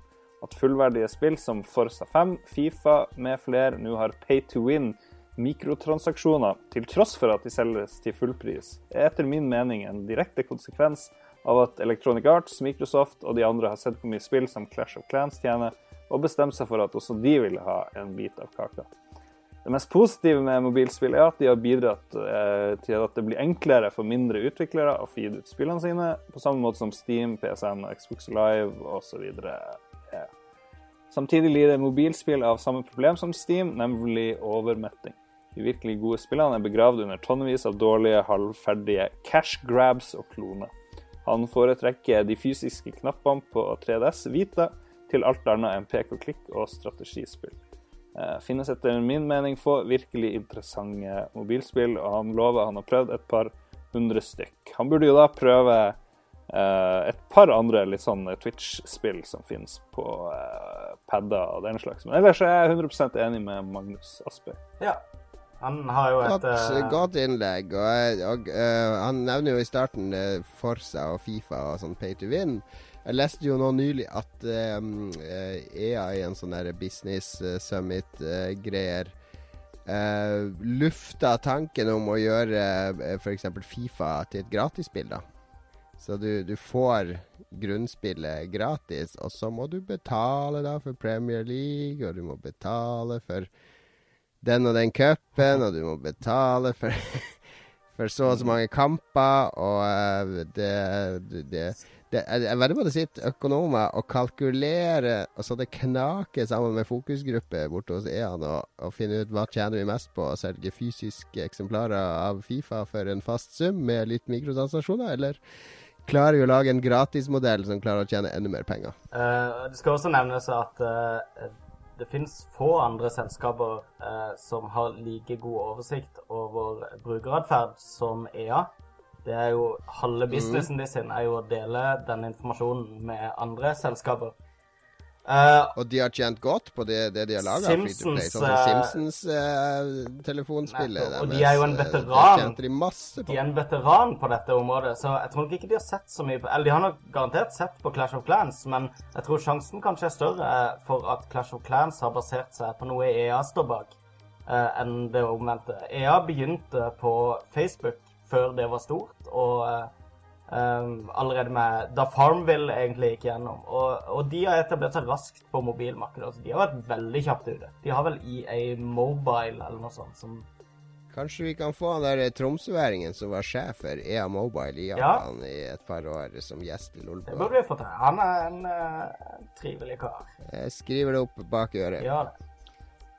Hvis ikke, så Eller utover det, så er jeg helt eh, enig med han. Det var som jeg sa i stad, det er altfor mye kloner, og det er altfor mye drit. Altså, IOS, altså AppStore er én ting, men hvis du går over på Android Store og sånne ting eh, Hva er det for noe Google Play Store eller noe sånt? Hvis du ser på spillene som er tilgjengelige der, er, du må vite hva du ser etter for å finne kvalitet. Samme på ja, Det er sant. på Windows Phone så er det liksom bare tre spill. Så, så det, det er lett å finne. det er lett å finne kvalitet der. Så eh, vi, er, vi er stort sett enige, men jeg er ikke helt enig i akkurat det der, eh, den eh, eh, rekkefølgen uh, eh, i det første han sa. Men jeg tror EA faktisk har vært blant de aller tidligste på det. Ja, okay, okay, Det tror jeg han fikk med seg. Skal vi se. Mats Halvorsen sier Dungeon Keeper 2014, say no more. Say no more. Enig. Helt enig! det har vi snakka om før, da. Har vi ikke det? En del ganger. Ja. Uh, vår venn Jan-Kristian Hegel spurte i forrige uke, da vi ikke hadde leserspalte, uh, han spurte om vi hva vi synes om ting som Global Game Jam, Ludum Dare osv. Kunne vi tenke oss sjøl å være med på en sånn her uh, spill-jam? Og det, det burde vi jo absolutt uh, gjøre. Men det er vel ingen av oss som kan lage spill i det hele tatt. Nei, Jeg jeg, vet ikke hvem av oss som ville vært flinkest til sånn teknisk. Jon, du gikk jo masse år, hundrevis av år på Blindern. og Hysj, hysj. Det er eh, ikke kan data SQL og sånne ting. Og altså Simula. Vi kan lage et spill i Simula, Ja, som var det Det programmeringsspråket vi brukte da i gamle dager.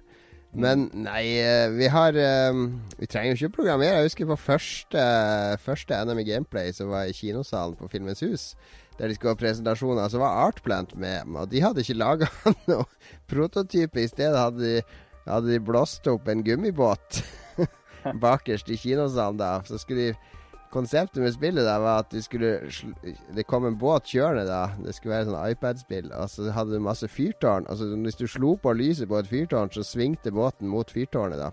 Mm. Altså måtte du liksom slå av og på fyrtårnene for for å få båten til å svinge og kjøre gjennom alle skjær.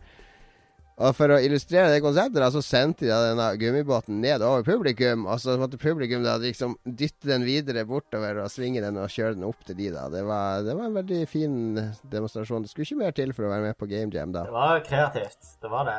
Folk Kreativt. Men ja, vi, eh, vi er vel mer komfortable med å dekke NM i Gameplay enn å delta på NM i Men hvis hvis vi skulle være med på noe, så hadde det sannsynligvis vært på NME Gameplay, vår partner in crime. Ja.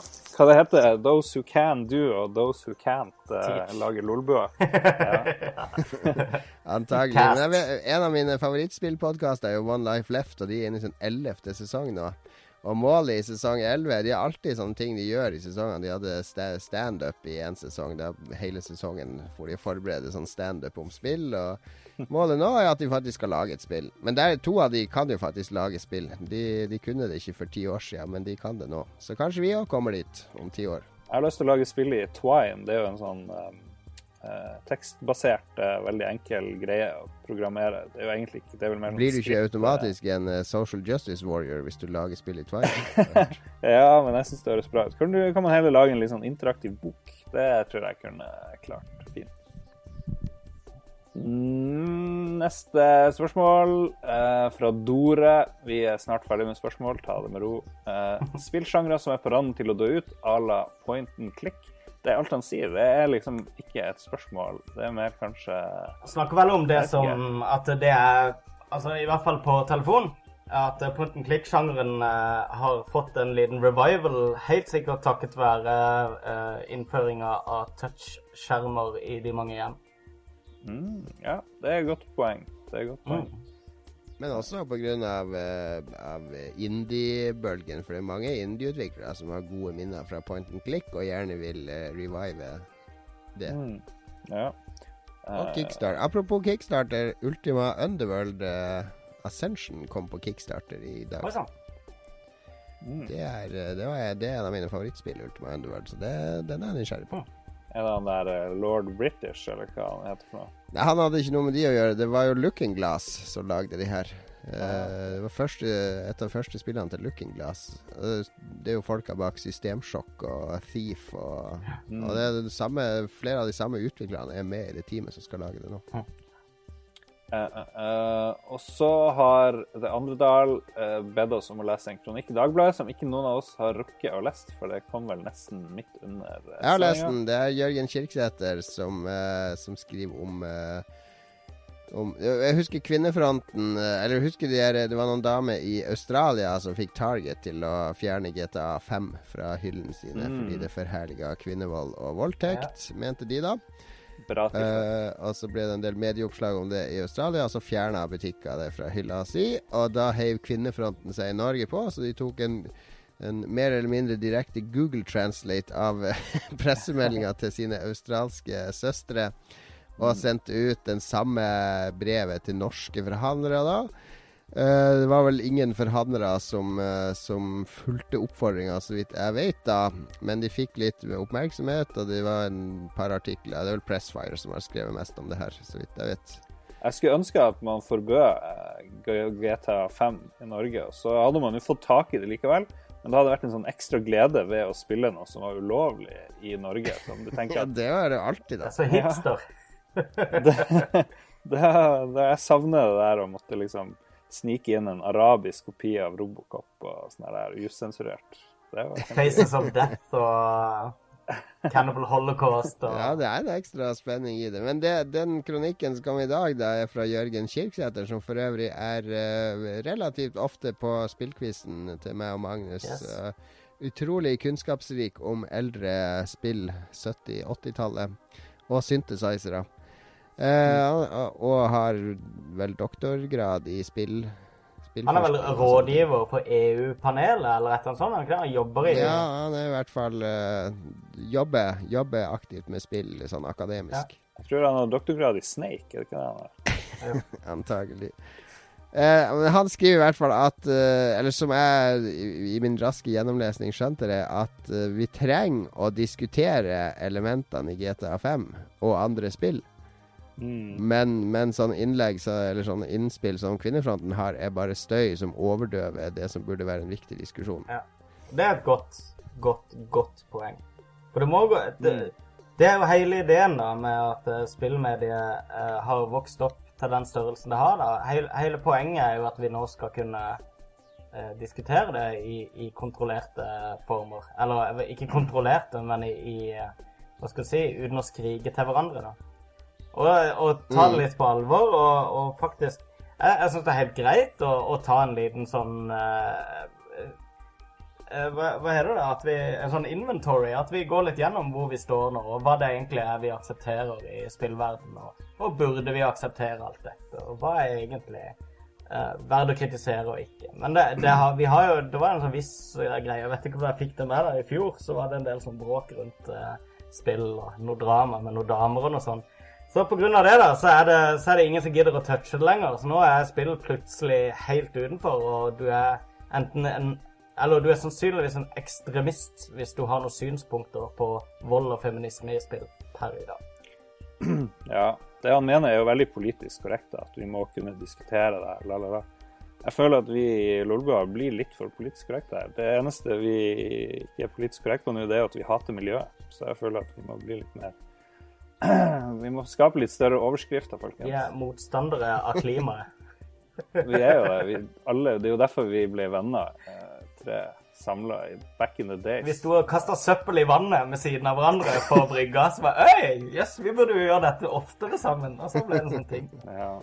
Ja. Nei, men vi er helt enige med, med Kirksæter. Eh, sensur og boikott og støy eh, er ikke veien å gå.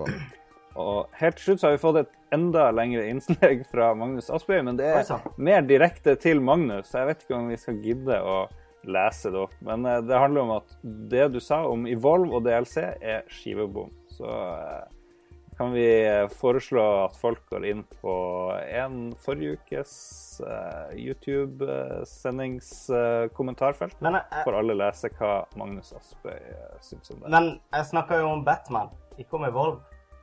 Ja, det, vi gidder ikke å ta det. Og da kommer vi til en nå, nå er det viktige avslutninga, for nå nærmer vi oss eh, grensa her for Ja. en god treningsøkt. Okay. Vi må, vi må Den viktige avslutninga er Foo Fighters i Telenor Arena. Etter å ha stått i halvannen time på buss og gått i eh, to timer fra bussen til Telenor Arena, skal Magnus da sitte eller stå på Foo Fighter? Vi har fått svaret fra Mr. Mr. Mr. Mi Mi Mi, som sier at man selvfølgelig skal være stående. Jeg mener, Hvis du først skal på Foo Fighters-konsert, så kan jo ikke det at du har reist langt, være et argument for at du skal sitte og sove på tribunen og liksom være redd for de der skrikende folkene midt i salen. Altså- du skal jo være midt nedi der og hoppe og hoie. Ellers så har du ikke noe på en Foo Fighters-konsert å gjøre. Hvis ikke du er invalid, barn eller pensjonist. Lars. har forvilla deg inn. Jeg har vært på mange hundre konserter, så dette er ikke et veldig fremmed territorium for meg når jeg går inn her. Og jeg har gått på betraktelig mer bråkete konserter enn Foo Fighters, som jeg ser på som et litt sånn koselig, eh, koselig konsertband. Jeg syns det er en helt decent sak å sitte og se en sånn konsert. I stedet for å stå et eller annet sted, så må du stå og kikke litt sånn oppover hele tida. Og så står du så får du mer og mer vondt i ryggen, og så står du ukomfortabelt, så må du sitte på gulvet hvis du skal sette deg. Og så er det på fuckings Telenor Arena, som er åh. Ja, men da må du bare la være å dra Ja, det er jo- dit. Dra dit sånn at du er der Alright, først. vi skal ikke ha en lang Det skal være kort. Kort, kort, kort. kort. Hovedregelen er, Magnus, at hvis bandet sitter, så kan du sitte. Drar du på konsert med symfoniorkester, så er det greit å sitte. Drar du på rockekonsert, så kan du drite i å sitte. Jeg var på, jeg si, jeg var på en Ministry-konsert da Al Jørgensen var så full av heroin at han hadde med seg en stol opp på scenen som han satt på. Ja, da kan du ha sitte. Da er det Så da er det en sittekonsert med Ministry. Yes. Det er det. Og det var det vi hadde i, fra Lolbua den dag i dag. Vi skal, eh, vi skal gjøre det til en føljetong, eh, føljetong her i vår, denne Foo Fighters-konserten. Vi skal lage en poll, og vi skal Nei da. Vi skal, vi skal drukne Foo Fighters-konserten. Det skal ikke nevnes i neste program. Takk for at dere hørte på. Vi er tilbake neste uke, og da kommer den eh, Jeg jeg har fått feedback fra lytterne på tweetspalten vår som de var fornøyd med. Oi. Ja, det var veldig bra. tweete mye. Så da kommer man skal tweete mye spalten tilbake med nye Oi. underfundige tweets som vi skal tolke, analysere og eh, og reflektere over her i Lolbua. Eh, vi kommer til å ha spilt nye spill, og vi kommer til å ha tilbake nyhetsspalten, så vi kan prate litt om alt det spennende som skjer i spillverdenen i dag. Er det noe mer vi skal prøve å innføre fram til neste uke, karer? Mm, vi skal ødelegge miljøet. Vi skal alle eh, kjøre bilen vår i et tre. Følg oss på Twitter. Der skal Lars eh, dokumentere og ta bilder når han kaster søppel på gata og andre ting. Det, det kommer til å være opprørsstemning mot miljøet eh, på Lolbua i uka som De kommer. svarte. Du finner oss på Twitter, at Lolbua. Du finner oss på Facebook, søk på Lolbua, så dukker vi opp der òg. Du finner oss selvsagt på lolbua.no og på iTunes uh, og på Soundclouden til Rad Crew. Øh, og vi må få en sånn egen app snart før det. Det må vi. På Xbox One må vi jo i hvert fall ha en app. det må vi jo få oss. Uh, ja. Du finner oss, du finner oss hvis du leter, i hvert fall. Takk for at du eh, har hørt på. Vi høres igjen om en uke. Ha det bra. Ha det bra.